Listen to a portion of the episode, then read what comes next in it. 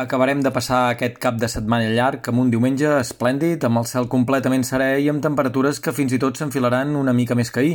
La nit ha estat xafogosa amb força indrets de costa i durant les hores centrals del dia l'ambient serà plenament estiuenc, amb màximes que en general es mouran entre els 28 i els 33 graus.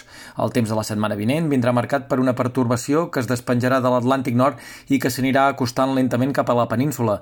D'entrada, demà dilluns encara no notarem cap canvi i el primer dia de curs escolar serà assolellat i càlid per l'època de l'any. Dimarts i dimecres, el cel, mig enterbolit per bandes de núvols prims i a les tardes ja s'escaparan alguns primers ruixats en punts de muntanya. Les temperatures amb prou feina recolaran un o dos graus al migdia i les matinades només seran fresques a les comarques interiors. Però a partir de dijous i fins a finals de setmana el temps serà variable i insegur. L'última actualització dels models numèrics ha rebaixat l'intensitat i l'abundància de les precipitacions de dijous i ara mateix apunta que el dia amb pluges més generals seria el divendres. En tot cas, seran quatre dies amb nuvolositat força abundant, ruixats que poc o molt acabaran regant tot el país i temperatures que, especialment les diurnes, recolaran ben bé 7 o 8 graus respecte a les d'avui.